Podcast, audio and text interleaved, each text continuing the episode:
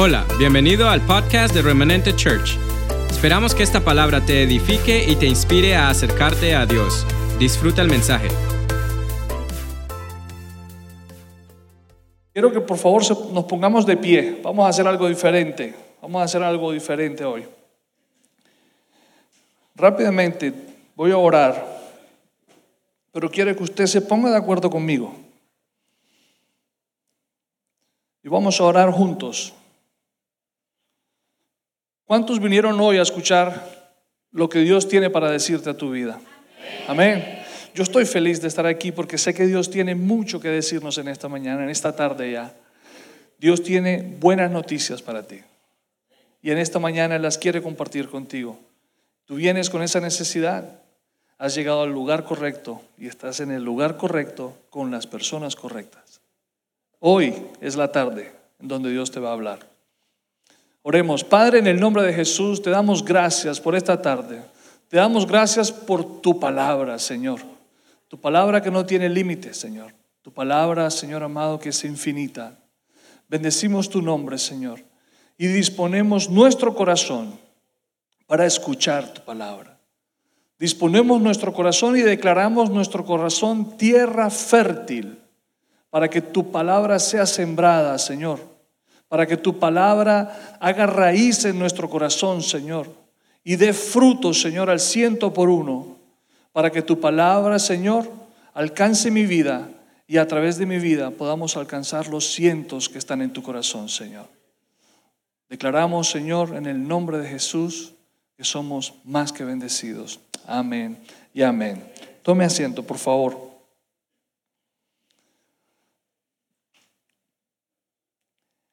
El título, sí, me piden título, no me gusta mucho, pero bueno, el título, y esta palabra yo la compartí con los jóvenes en el campamento. Suena mejor en inglés que en español. Don't take it, reject it. En español es, no la recibes, recházala. No la recibas, recházala. Dile a tu vecino, no la recibas, recházala. Así, con convicción, dile, no la recibas, recházala. ¿De qué estamos hablando? De la ofensa. Estamos hablando de la ofensa. Estamos en unos tiempos en donde nos ofendemos fácilmente por todo. Todo nos ofende. Somos personas que vivimos una vida tan agitada, eh, sumergidos en las redes sociales de una manera impresionante y en donde todo nos ocasiona, la, aceleración que vivimos ocasiona en nosotros ansiedad y, y- y nos afecta nuestro sistema nervioso y nos lleva a ser personas fácilmente, personas que fácilmente nos ofendemos. En mi casa yo me ofendo hasta con mi perro, que lo tengo hace 12 años, Milo. Milo cuando ladra mucho ya me ofende, me molesta, me fastidia. Milo cuando yo estoy comiendo a la mesa y me hace en la pierna, me parece, y le digo, es una falta de respeto que tú me estés pidiendo comida, como si me entendiera.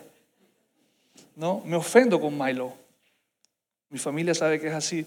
Y son 12 años de tener a Milo. Milo es, es un bebé, es mi bebé. Lo recibimos de tres semanas en la casa. Tiene 12 años de vida ya. Es, es, es- es un tesoro para nosotros. Pero me ofende, me ofende. Y él sabe que me ofende. Pero no deja de ladrar, sigue, sigue ofendiéndome. En una ocasión yo coloqué en, Instagram, me animé a abrir una cuenta de Instagram y coloqué una foto y coloqué un nombre, ¿no? Hashtag, ¿no? Hashtag, la foto, el nombre y lo envié. Y a los dos minutos, no les exagero, a los dos minutos mi teléfono rin, rin, rin, timbrando y yo miro y es mi hija, y mi hija no me llama. Yo, mi hija, ¿qué le pasó a Carolina si ella no me llama? Yo le mando textos y no me los contesta. No me llama. Aló, mami. Papi, eh, ¿qué pasó? ¿Estás bien? Ofuscada. Ay, papi. ¿Qué pasó, mami? ¿Qué pasó? ¿Estás bien? ¿Está todo bien? Sí, papi. Lo que pasa es que acabas de colocar algo en Instagram que lo escribiste mal. Y le dije, no, mamita, yo, espérate, si yo nada más puse nombres, yo escribí todo bien. Por eso, el nombre que escribiste a esa persona está mal escrito. Corrígelo. Yo, pero mi amor, hijo, ¿qué es lo que pasa? ¿Cuál es? Se va a ofender, tú no entiendes eso. Se va a ofender, quítalo. Se escribe, no se escribe con esa I, se escribe con tal I. Yo, ok, está bien. Se ofende la gente porque escribes el nombre mal en, en- en las redes sociales. Mi hija, si mi hija me escribió, me llamó, era porque era urgente. Eso era urgente. Ella no quería que esa persona se ofendiera. ¿Cuántos se ofenden aquí porque suben una foto de Instagram en la cual no sales bien? Sin tu permiso. ¿Ah? Sobre todo, como dice la Inés, en esa foto todos salieron bien menos tú. ¿Ah? ¿Cuántos se ofenden? ¿Cuántos se ofenden porque todos están lindos en la foto y tú quedaste con los ojos así? ¿No? ¿No? O tú quedaste mirando para abajo y todos mirando hacia adelante. Y tú quedaste mirando. O tú quedaste, ¿no? ¿Y quién le autorizó a esa persona a subir esa foto? ¿Por qué no me llamó a mí? ¿Ah? A mí no me pidió permiso. Claro, como él quedó bien, no, ella quedó bonita, pues sí, ella sí puso su foto, claro, se le ve el cabello lindo, se le ve esto, pero yo quedé así y a mí sí me puso, ¿no? Cuando dicen tu nombre mal, ¿quiénes se llaman Juan aquí? Sin miedo, nada más yo me llamo Juan. Juan, ¿quién tiene el nombre Juan? Juancho, ¿dónde está Juancho? Juancho, ayúdame. Juan.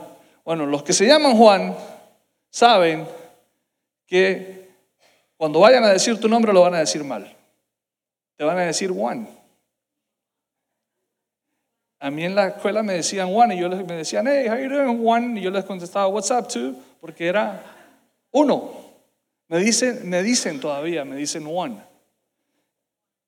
No me dicen Juan. ¿Y cómo molesta eso? Cuando estaba más muchacho me molestaba horrible. Ya aprendí que yo me llamo, para decir mi nombre, me llamo JC, ¿verdad, Juan Carlos? JC. JC, ese es mi nombre. Ya no digo Juan porque me dicen, oh, nice to meet you, Juan. No, no, no está bien.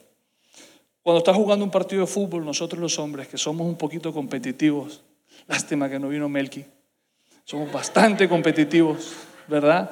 Y estamos en un partido de fútbol y estamos ahí listos para anotar el gol y no hay nadie en la portería y el gandío ese no me pasa la bola, sino que vota, René sabe de lo que estoy hablando patea mal, bota la bola, pone el pase donde no es. Qué rabia que a mí me da que no me pasen la bola. Las mujeres, hombres, quiero decirles algo. Las mujeres no se visten para nosotros. Cuando usted ve a una mujer bien vestida, que la ve entaconada, con el cabello arreglado, las uñas lindas, huele bastante perfume, por ahí está estrenando un bolso, que se nota, eso se nota. Cuando una mujer está estrenando un bolso, lo pone delante y camina adelante. ¿no? Lo pone ahí adelante y camina con él ahí adelante. Y cuando lo va a poner en la silla, lo levanta así, lo pone en la silla, ¿no? Como si pesara 50 libras ese bolso y no lleva nada ahí. Quiero decirte algo, hombre, ellas no se visten para nosotros, ellas se visten para las otras mujeres. Y entonces, cuando las otras mujeres no dicen nada, ni del cabello, ni de las uñas, ni del bolso, ni del perfume. Y vienen al primer servicio y se quedan hasta el segundo servicio y cierran la iglesia con, la iglesia con el pastor y todavía nadie les dijo nada. Ay, mamita mía, ¿qué les pasa? ¿Ah? Creídas, me ignoraron, no se dieron cuenta. Cuando nos corrigen para enseñarnos algo, ¿cómo nos puede molestar a eso? Cuando me corrigen para enseñarme, ¿cómo nos incomoda eso? Cuando mi esposa, yo le dije en el primer servicio, y esto es, viene bien, bien de adentro, cuando mi esposa me dice, Juan Carlos, quiero hablar contigo, no, eso es lo peor que a mí me puede pasar. A mí los pies se me ponen fríos, me sudan hasta las uñas. Pues, ya le dije, mami, no me digas más Juan Carlos, por favor. La otra vez tuvimos una conversación como de media hora y la interrumpí como cinco veces. No me digas Juan Carlos que no me gusta. Mi mamá me decía, Juan Carlos, yo no me casé con una mamá, yo me casé con mi mujer linda, bella y hermosa. Pero me corregía y ella me corrige para enseñarme, porque sí, de verdad que sabe pegarle donde sabe pegarle. Y me sabe corregir muy bien. Cuando estamos trabajando en un grupo, y estamos todos emocionados desarrollando un proyecto y de pronto yo pongo en la mesa la mejor idea. ¿Y por qué no hacemos esto y pongamos aquello y entonces podemos hacer así y tal día hacemos esto, esto, esto? Y todos me escuchan, sí, y siguen hablando y mi idea nadie le puso cuidado. Cuando ignoran mi idea,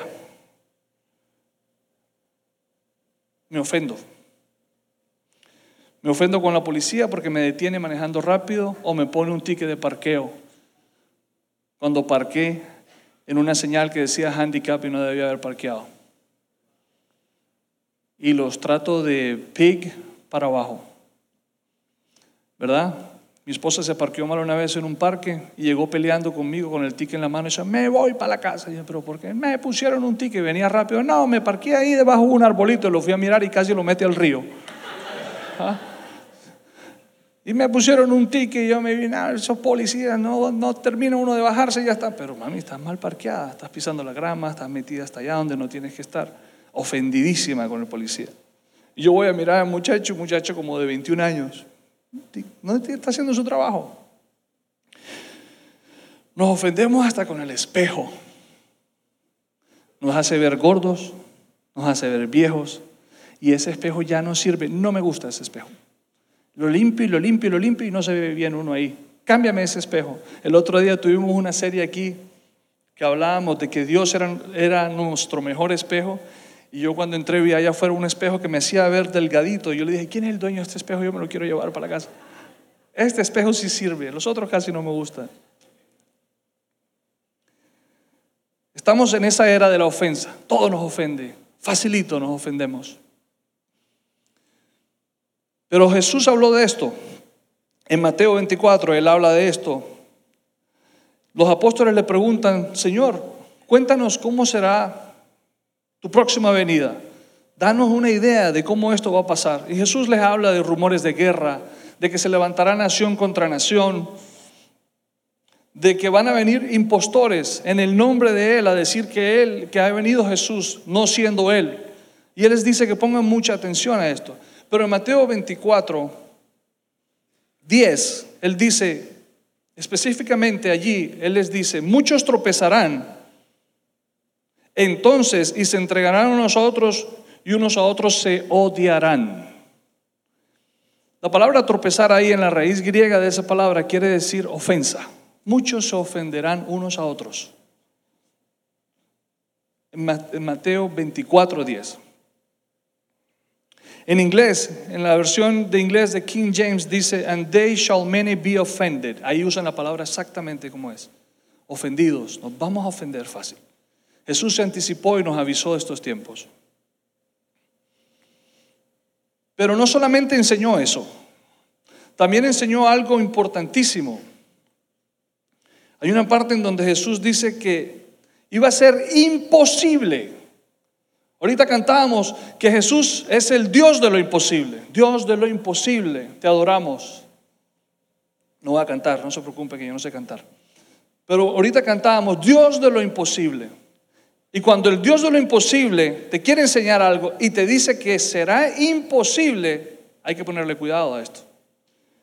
Y lo dice, dice, será imposible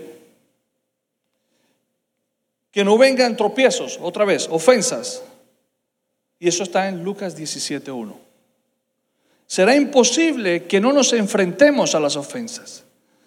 Que sería imposible que no batalláramos con las ofensas, que no lucháramos con las ofensas. Él, se anticipa, dice que es imposible que no suceda. Es imposible que no existan las ofensas. Y también advierte, hay de aquel por quien vienen las ofensas. Es mejor, dice él más adelante, que amarremos la piedra de un molino. Esos molinos de los que Jesús habla, esas piedras de esos molinos son unas piedras que son del tamaño de una máquina de, una máquina de lavar ropa. Y dice que es mejor que tomemos una piedra de esas y la amarremos a nuestro cuello y nos lancemos al fondo del mar. Si somos nosotros la fuente por la cual vienen las ofensas. Sobre todo si se le hace a uno de los pequeños. ¿De cuáles pequeños habla Jesús aquí? Esta casa, todo lo que hacemos en esta casa, cantar, predicar, alabar, honrar, enseñar, recoger diezmos, ofrendas, todo, todo lo que hacemos en esta casa es para la bendición de las personas, de la gente que lo está necesitando allá afuera. ¿Y qué si vienen a esta casa? Esos son los pequeños, la primera vez que ellos vienen, cuando ellos vienen a ese encuentro con Jesús, a encontrarse con el Maestro, a buscar ser, a buscar una solución a esa necesidad que traen en su vida. Y nosotros, los hijos de Dios, que estamos aquí, a veces estamos en nuestro puesto favorito, en el lugar en el cual creemos que tiene nuestro nombre. Y llega una persona de estas nueva, feliz, contenta, y se emociona con las alabanzas porque qué hermosas alabanzas tenemos nosotros. Amén. Qué hermosas las alabanzas que tenemos. Y se emociona con las alabanzas y dice, este era el lugar que yo estaba buscando. qué, qué rico estar aquí. ¿Dónde me puedo sentar? Y están las sillas llenas. Yo estoy sentado en mi puesto porque ese es mi puesto de todos los domingos. Y me llega uno de estos pequeñitos y me dice Lugier, hermano, por favor, ¿será que le cedemos el puesto? No, este es mi puesto. El que llegó tarde de malas, a que se siente allá atrás y que espera que los niños salgan a clase porque yo vine primero. Para eso yo madrugo. Hmm, ¿Por qué no madruga? Madrugue. Venga madrugado. Y entonces, ¿qué pasa con ese pequeñito? Entonces, ¿para qué hacemos todo lo que hacemos aquí? Si cuando vienen los nuevos no somos capaces de ceder el puesto. Si cuando vienen los nuevos no somos capaces de bendecirlos, honrándolos con una silla que ni siquiera es nuestra. Esa silla yo lo voy a hacer un hueco de sentarme todos los domingos ahí, que se siente otra persona ahí. Amén. Se nos adelantó Jesús, dejándonos saber que no iba a ser fácil con las ofensas en el día a día. Ahora, hay una diferencia grande entre lo que es una ofensa y estar ofendido. Una ofensa es algo que sucede. Una ofensa la podemos categorizar como un evento, algo que nos sucede. Pero estar ofendido es una decisión. Es una decisión que te puede llevar a una condición muy incómoda, muy difícil de sobrellevar. La ofensa es algo que te sucede, pero estar ofendido, si tú estás ofendido, estar dolido, es una decisión. Y esto no es simplemente palabras bonitas, en la palabra está. Y te lo comparto. Ya lo leímos, pero te lo voy a desmenuzar. En Lucas 17.1 Jesús usa la, la palabra imposible que lleguen. Imposible es un absoluto, no cambia. Él dice que es imposible que sucedan las ofensas. Pero en Mateo 24:10 Jesús usa la palabra muchos serán ofendidos. Ahí Él no usa un absoluto. El absoluto allí sería todos. Lo cual me permite a mí entender que si muchos serán ofendidos, significa que no somos todos los que vamos a estar ofendidos. Porque aquellos que no vamos a estar ofendidos somos los que estamos dispuestos a tomar la decisión de no recibir la ofensa. Yo te invito a que tú tomes esa decisión hoy y no recibas la ofensa. Es una decisión. Van a suceder, van a pasar allá afuera y van a pasar aquí en la iglesia. Van a pasar en el trabajo, van a pasar en la iglesia, van a pasar en casa. Pero es tu decisión no recibir la ofensa. Nuestra madurez espiritual puede ser medida cuando analizamos qué, tan fácil o qué tan difícil es para nosotros recibir una ofensa. Porque una ofensa nos puede robar mucho. Saben, hay personas aquí que el enemigo les quiere robar por medio de, una, de la ofensa la paternidad de esta casa. El enemigo te quiere robar eso.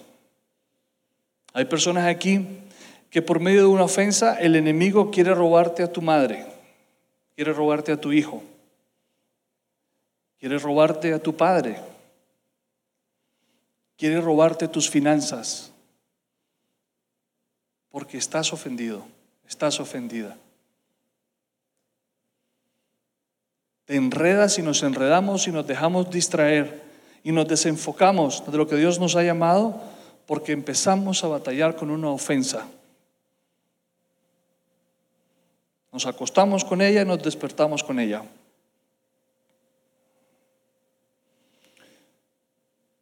Está en la palabra también. No lo estoy exagerando. David, cuando no era rey y lo mandaron a que le llevara comida a sus hermanos que estaban en la línea de batalla, él llegó y encontró al filisteo gigantón este de tres metros, maluco, que olía feo, Goliat, retando al pueblo de Israel. Y David llega y pregunta, hey, ¿y qué hay para el que le dé por la cabeza a este gigante? Y le dice, no, que no hay, te diría. ¿Cómo así? El rey le va a dar la hija más bonita que tiene. Le va a dar tierras que no le va a alcanzar la vida para cosecharlas. Y aparte de eso no va a pagar impuestos por el resto de su vida. Todo eso le van a dar al que derriba a este gigante. Todo eso se lo van a dar.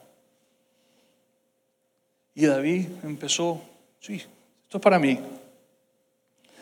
Pero dice en 1 Samuel 17, dice que su hermano mayor se molestó, se incomodó, se fastidió, se ofendió con la presencia de David. Y su hermano mayor le dice, él dice la palabra que se encendió en ira contra David y le dijo, ¿para qué has descendido acá? ¿A quién has dejado aquellas pocas ovejas en el desierto? Yo conozco tu soberbia y la malicia de tu corazón. Has venido solamente para ver la batalla. En otras palabras, le dijo, hey sapo, ¿qué haces aquí? Como decimos en buen castellano en Barranquilla. Sapo, ¿qué haces aquí? Si esto no, esto, esto no te incumbe. Lo tuyo es ir allá a cuidar las vaquitas esas malucas que tienes allá. Lo ofendió horrible. Tú no eres sino un cuida ovejas. Mira para ver si no han brincado la cerca. Mira para ver dónde están. Te estás haciendo alarde ahora de que tú vienes a matar a un gigante cuando tú sabes que tú no solamente eres un pastor. Tú ni guerrero eres, ni soldado eres. ¿Qué haces aquí? Lo insulta feo. ¿Y qué hace David? David dice, hey, ¿yo qué he hecho ahora? Ahí está en la palabra. ¿Yo qué he hecho ahora? Le dice, esto no es sino habladuría tuya. Eso es todo lo que le contesta a su hermano. Y dice la palabra que apartándose de él se dirigió a otros y volvió y preguntó, y el pueblo que estaba allí, los soldados que estaban ahí, le volvieron a contestar lo mismo. Pero la parte clave de esto es que en ese momento en el que David fue insultado, tratado de pastor, tratado de sapo, tratado de que aquí no tienes nada que ver, él dijo, no sé de qué estás hablando, yo no he hecho nada malo, igual contigo no tengo nada que hablar. Dio su espalda y decidió no recibir la ofensa. Él giró. En el momento en el que él está hablando con su hermano y su hermano lo insulta, él gira le da su espalda e inmediatamente pone su enfoque en Goliat. Y sucede lo más relevante que le sucedió a David en sus primeros años de vida, tumbar al gigante Goliat por el cual lo conocemos hoy en día. Pero ¿qué si él se queda aquí peleando con el hermano y defendiéndose? ¿Qué si él se ofende y se pone a llorar porque el hermano mayor, el de autoridad en la casa, lo insulta y él decae en llanto, en dolor, y dice, tiene razón, yo qué hago aquí, yo sí soy bobo, ¿para qué vine? Yo mejor me voy. Y se devuelve a cuidar las ovejas. Quizás David no hubiese sido rey. ¿Qué si él se queda batallando y peleando con su hermano, tomándose una ofensa como tal? Esposo o esposa que estás aquí. Quiero decirte, no recibas la ofensa de tu esposa, no recibas la ofensa de tu esposo. No estás para batallar y contender con ella ni con él. Estás para luchar al lado de ella. Y entonces juntos salir a vencer esos gigantes que Dios te ha llamado a vencer. Amén. Te lo digo, hay gigantes allá afuera que Dios quiere que venzas, pero de la mano de tu esposa, de la mano de tu esposo. Hay gigantes allá afuera que tienen el nombre tuyo aquí en la frente, que Dios ya los predestinó para que los derriba. Ya Dios te dio la victoria. Pero estás entretenido peleando en casa y ofendido con la persona menos indicada. Nos dejamos robar por la ofensa el destino que Dios tiene para nosotros. Nos dejamos robar por la ofensa el propósito por el cual Dios nos creó. Nos quedamos peleando con la esposa, con el esposo, con los hijos, cuando Dios nos ha llamado a salir juntos a derribar gigantes, gigantes que ya Dios nos ha entregado. Y todavía nosotros seguimos en casa peleando.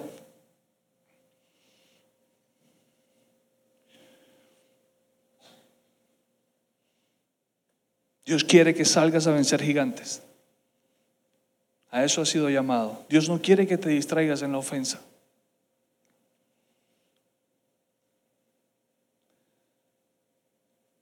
En Mateo 15, 22 hay una historia que quiero compartir con ustedes de una mujer cananea. Quiero que me ayuden, que no se dejen distraer en los próximos 10, 15 minutos y vamos a cerrar. Bajo la dirección del Espíritu Santo. Y que me ayuden ustedes a recrear esto que les voy a leer que les quiero compartir, que les quiero ministrar, porque el Señor lo puso así en mi corazón. La historia de una mujer cananea. Se refiere así la Biblia de ella para hacer entender de la región de, donde ella venía. Es una región en donde su Dios era Baal, el Dios de la fertilidad, en donde había una depravación sexual impresionante, donde practicaban hechicería y brujería. Por eso se expresa así la Biblia de ella, para que sepamos de dónde venía, de cuál era su cultura, de cuál era su, su religión, de cuáles eran sus costumbres. Jesús había llegado cerca a esa área de donde ella era y entra en una casa con sus discípulos. Y esta mujer escucha que Jesús está ahí, que está cerca. Y dice, que esa mujer, cuando supo que Jesús estaba en la región, comenzó a gritar. Vuelvo y les digo, ayúdenme a imaginarse esto. Ella, ella supo que Jesús estaba cerca y empezó a gritar, a dar gritos y a decirle, Señor, a llamarlo de lejos. Y decir, Señor, Hijo de David, ten misericordia de mí. Ten misericordia de mí. Mi hijo, mi hija es gravemente atormentada por un demonio. Ella sabía de lo que estaba hablando. Practicaba la brujería. Ella sabía lo que es ser atormentado por un demonio. Seguramente había intentado de todo. Estaba desesperada para que ella confesara públicamente, sin importarle que la gente en el área la escuchara decir, Señor, hijo de David, para que ella hiciera esa confesión en voz alta, sin importarle, para que ella reconociera al Mesías como había sido anunciado en el Antiguo Testamento, era porque estaba muy desesperada. No le importó que la vieran. No le importó que la juzgaran. No le importó que la señalaran. No le importó que se burlaran de ella. Y dice, mi hija, ten misericordia de mí, por favor, ten misericordia de mí. Ella ruega al Señor. Y dice, mi hija es gravemente atormentada. Gravemente atormentada. Yo no sé si usted ha visto un cuadro de estos, yo lo he visto y es horrible gravemente atormentada. ¿Qué es lo que no hace una madre por un hijo? ¿Qué es lo que no hace un padre por un hijo? No importa lo que tengas que hacer. No importa que se burlen de ti. No importa que te señalen. No importa que te digan traidor. Pero en el desespero de ayudar a tu hijo, madre, padre que estás aquí, tú sabes de lo que estoy hablando. ¿Qué no haces tú por tu hijo? Y ella corre a él. En esa angustia, en esa necesidad, cansada de la condición de su hija, de su bebé, de su baby. Era su bebé, atormentada por un demonio.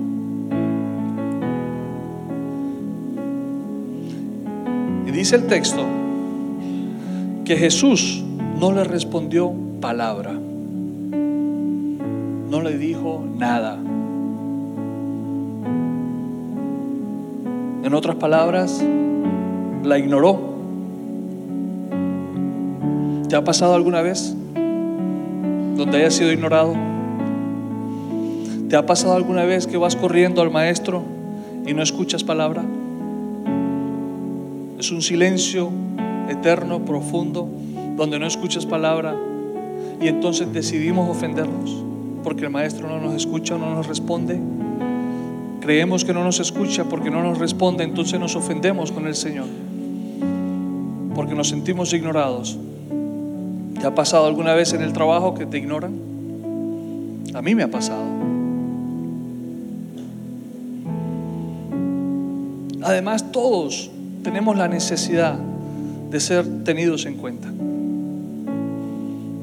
de ser amados y de ser escuchados. Pero ella, ella fue ignorada, aunque gritaba y rogaba.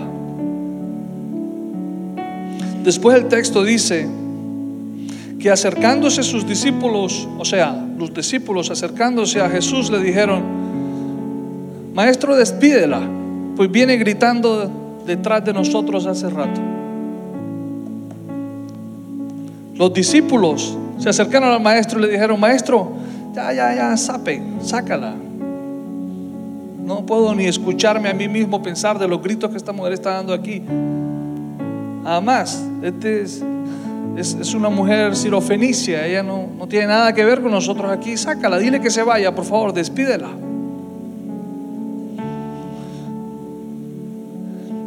Los discípulos aquí en este texto representan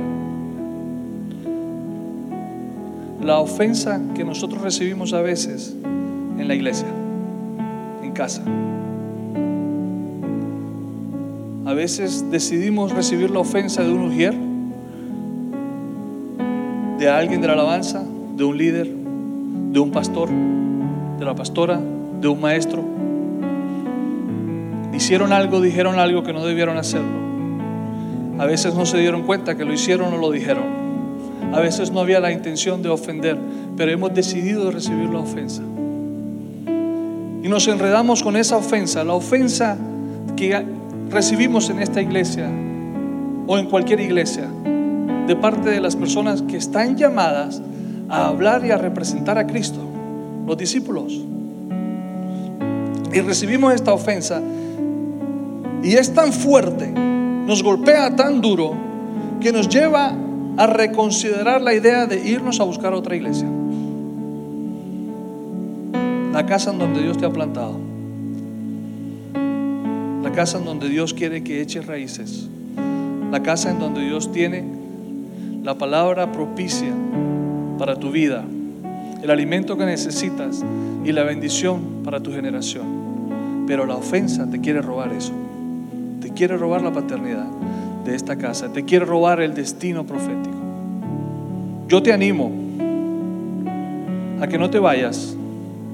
Aunque seas, aunque tengas la razón, no te vayas. Háblalo, acércate, coméntalo. Exponte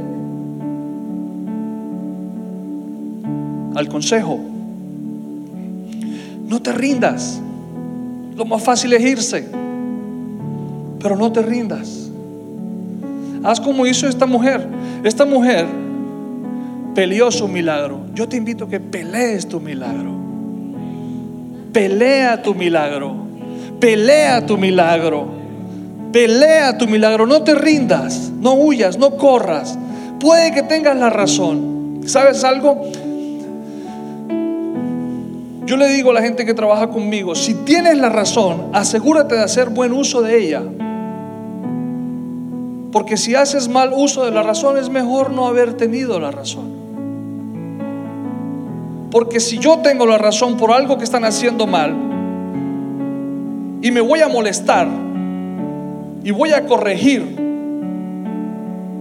partiendo desde la ofensa, yo voy a tratar mal a otra persona entonces yo voy a ser quien va a ocasionar otra ofensa. Y entonces de nada ya sirvió haber tenido la razón. Si tienes la razón, no hagas mal uso de ella. No hagas mal uso de la razón. Espera, no corras, no huyas. Esta es tu casa. Aquí es donde Dios te quiere bendecir. Yo no estoy diciendo que no te ofendieron. Yo no estoy diciendo que no estás ofendido. Yo no estoy diciendo que no tienes la razón. Tienes la razón, te ofendieron, estás ofendido, estás en lo correcto, sí, tú tienes la razón. Pero eso no significa que vas a ir a buscar otra casa. Si esta es la casa que Dios te dio, ¿ustedes creen que yo escogí al pastor Wilmer? Yo no escogí al pastor Wilmer. Dios escogió al pastor Wilmer para mí. ¿Ustedes creen que yo escogí a mi madre y a mi padre? Yo no los escogí. En la casa que yo nací, esa fue mi casa. Y en esa casa Dios me bendijo y Dios me ha bendecido. En esta casa que Dios escogió para mi vida, esta es mi casa. Y aquí hay provisión. Yo soy testigo de que aquí hay provisión. Dios me ha bendecido grandemente en esta casa. Dios me ha salvado la vida en esta casa. Y yo he visto mi generación venir a esta casa. Y Dios quiere hacer lo mismo contigo y te quiero prosperar grandemente. Pero no huyas. Yo sé cómo se siente tener ganas de irse. Te abro mi corazón. Pero también sé que esas batallas se ganan orando, intercediendo y convencidos del llamado que Dios te ha hecho. Dios te tiene en esta casa por una razón grande. Dios tiene un sueño con tu vida y esta casa hace parte del sueño de tu vida. Entonces Jesús, dice el texto, respondiendo, dijo, no soy enviado. Imagínense este cuadro. Todavía le contesta, la mujer cae a los pies, el Señor la ignora, llegan los discípulos y le dicen, sape, sape, saquen a esta vieja de aquí que está gritando, no me deja ni pensar, por favor. La insultan ahí en el piso, ella tirada. Pero ella no se rinde, ella se queda y sigue gritando. Entonces Jesús habló. Ya no la ignoró más, él habló. Y él dijo, no soy enviado sino a las ovejas perdidas de la casa de Israel. En otras palabras le dijo, yo no vine aquí por ti. Yo vine fue por las ovejas de la casa de Israel. Tú no eres de Israel. Yo no estoy aquí por ti. La hizo sentir insignificante a pesar de que fue ignorada, a pesar de que fue ofendida por sus discípulos, los más cercanos, él todavía contesta, bueno, él va a hablar, habló, pero resulta que él habla y le dice, yo no vine por ti, ¿qué haces aquí? Yo vine fuera por las ovejas perdidas. Ella se sintió insignificante, mas lo que Jesús quería decirle era que su prioridad en ese momento de ministerio eran los hijos de la casa de Israel.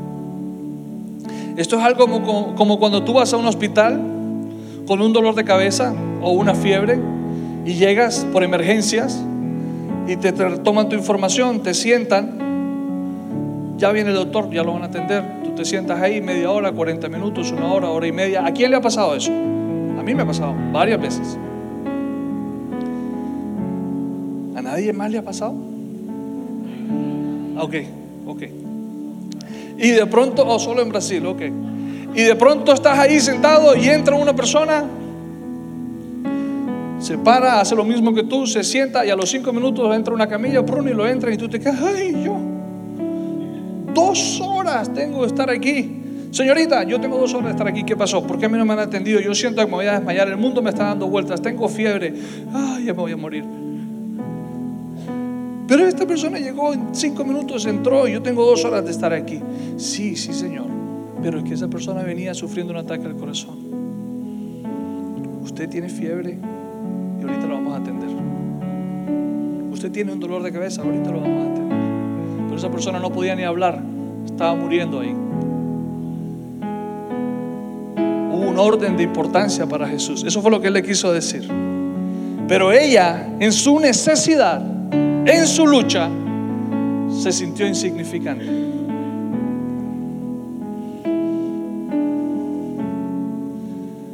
Entonces, yo me hubiera parado yo me voy.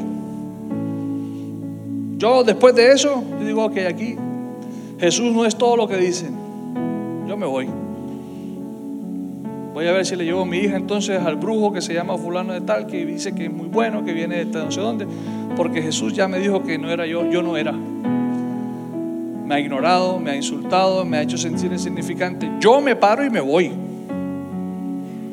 Y me voy hablando pestes, porque Jesús no me atendió. Pero dice el texto que ella vino y se postró ante él diciendo, Señor, socórreme, ayúdame, auxilio. Ella se postra, ella se postra, ella se tira al piso, su cabeza en, el piso, su frente en el piso. Eso es postrarse. ¿Te has postrado alguna vez en la presencia del Señor? Esto es postrarse en la presencia del Señor. Y ella se tira al piso y dice, Señor, socórreme, ayúdame, ayúdame. Mi hija está siendo atormentada. Ella no le importó que él le hubiese dicho que ella no era lo primero. Pero en el momento en el que ella se postra, en el momento en el que ella se tira a los pies del maestro, en ese momento ella empezó a ver al maestro como el sanador. En ese momento empezó a ver al Señor como su Dios, como su Señor. En ese momento todas sus creencias pasaron y quedaron atrás. Porque de ahí en adelante ella se postró ante el único y verdadero. En ese momento Jesús la liberó de la idolatría, de la hechicería, de la brujería, de su Dios Baal. Porque ella se postra ante Él y sigue orando y sigue clamando, pidiendo ayuda. Wow. Después de un momento de esos, ¿qué esperas tú que Jesús haga por ti? Que te levante, que te restaure, que te ayude, que te sane. Pero el texto dice que Jesús le dijo, no está bien tomar el pan de los hijos y echarlo a los perros. Wow. Wow. El insulto, la ofensa del insulto. Los teólogos enseñan que él la trató de perrillo o de cachorro o de pet en inglés. Eso fue el término que usó. Pet, cachorro, perrillo, Milo, sigue siendo perro. Le dijo perro.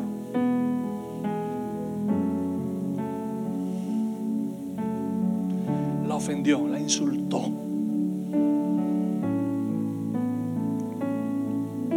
Hasta el límite la llevó Jesús para ver qué tan cierto había ella verdaderamente tomado la decisión de cambiar su vida. ¿Hasta qué límite te está llevando el Señor?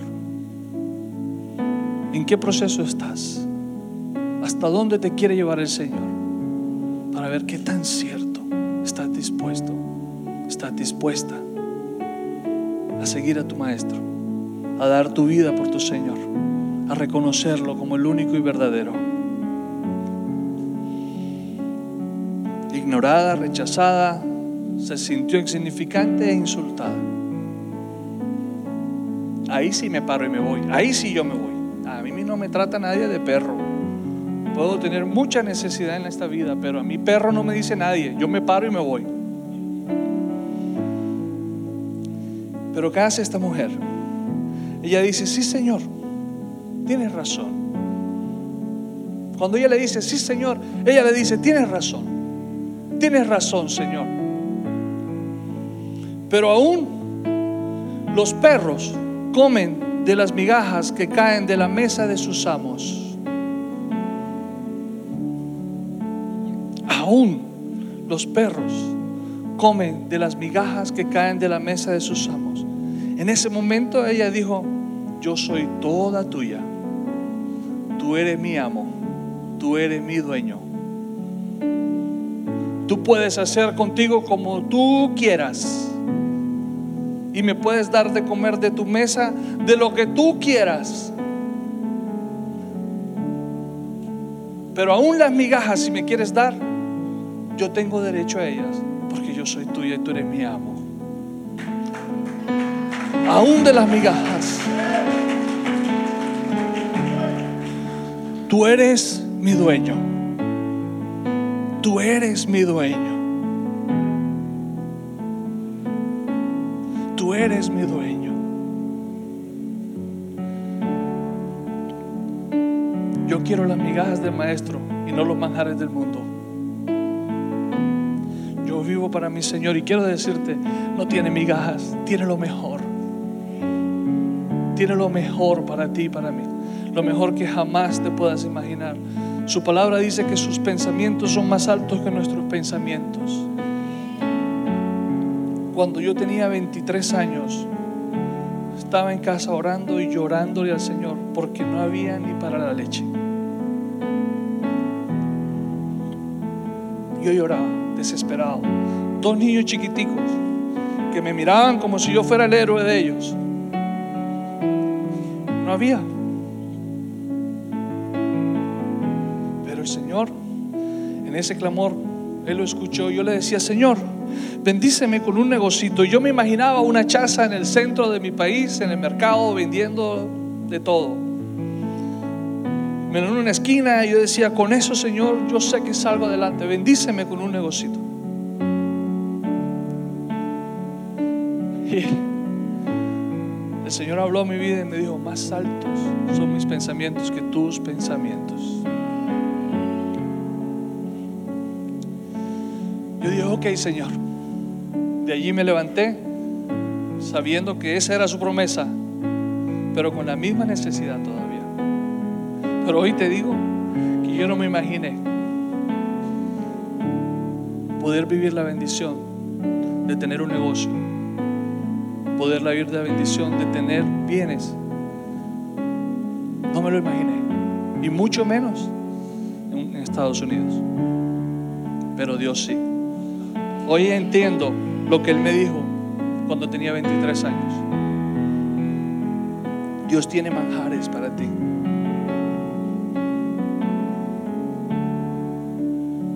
Dios quiere sanar. Quiero que por favor te pongas de pie. Vamos a cerrar ya. Dios quiere sanar tu corazón. Él quiere sanar. Hay rechazo en el corazón de muchas personas. Hay dolor en el corazón de muchas personas. Hay ofensas que hemos estado cargando por muchos años, que nos han robado y nos han desenfocado, que nos han sacado del camino y nosotros creemos que vamos por el camino correcto y realmente no es así. Es un camino paralelo, es un camino a un costado, es un camino en donde vemos, creemos que estamos viendo y caminando lo que Dios dice, pero nuestro camino está allá. Allá está nuestro camino, pero creemos que estamos en el que es, mas no es así porque estamos enredados con ofensas en nuestros corazones. Hay padres y madres aquí que han guardado ofensa en su corazón contra sus hijos.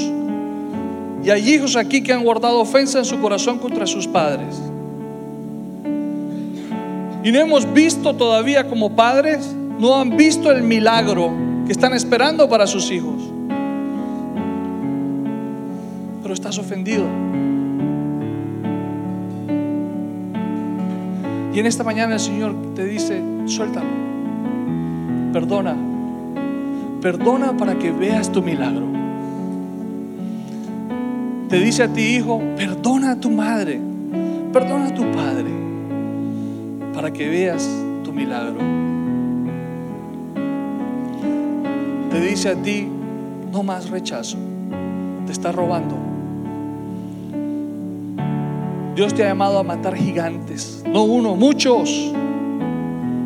Y esos gigantes que vas a matar y que vas a derrumbar no son solo para tu bendición, sino para la bendición de muchas personas. Porque no se trata de ti o de mí, se trata de las personas que están Jesús respondiendo dijo, mujer, grande es tu fe. Hágase contigo como quieras. Y su hija fue sanada en ese instante. El Señor te dice, grande es tu fe si tú te atreves en esta mañana a pasar aquí adelante. Si tú te atreves a pasar aquí adelante y a soltar esa ofensa y a perdonar, yo te invito a que lo hagas. Yo te invito a que pases aquí adelante. Que recibas tu milagro. Esta es la mañana de tu milagro, la tarde ya de tu milagro. Pasa aquí al frente, pasa aquí adelante.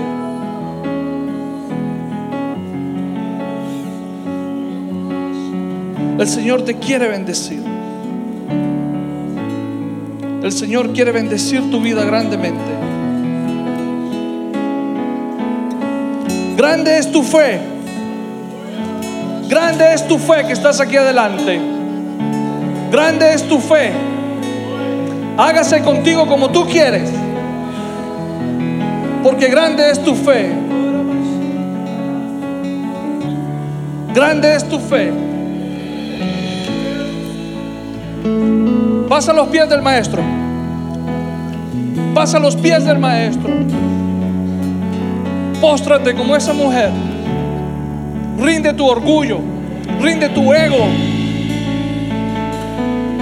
Rinde el que dirán. Póstrate ante Él. Vence de rodillas. Vence con esa humildad que Dios ya depositó en tu corazón. Porque grande es tu fe, te dice el Señor. Y hágase contigo como tú quieras. Como tú quieras. Gracias, Señor. Esperamos que este mensaje haya sido de bendición. No te olvides de suscribirte a nuestro podcast y seguirnos en Facebook e Instagram arroba remanente church.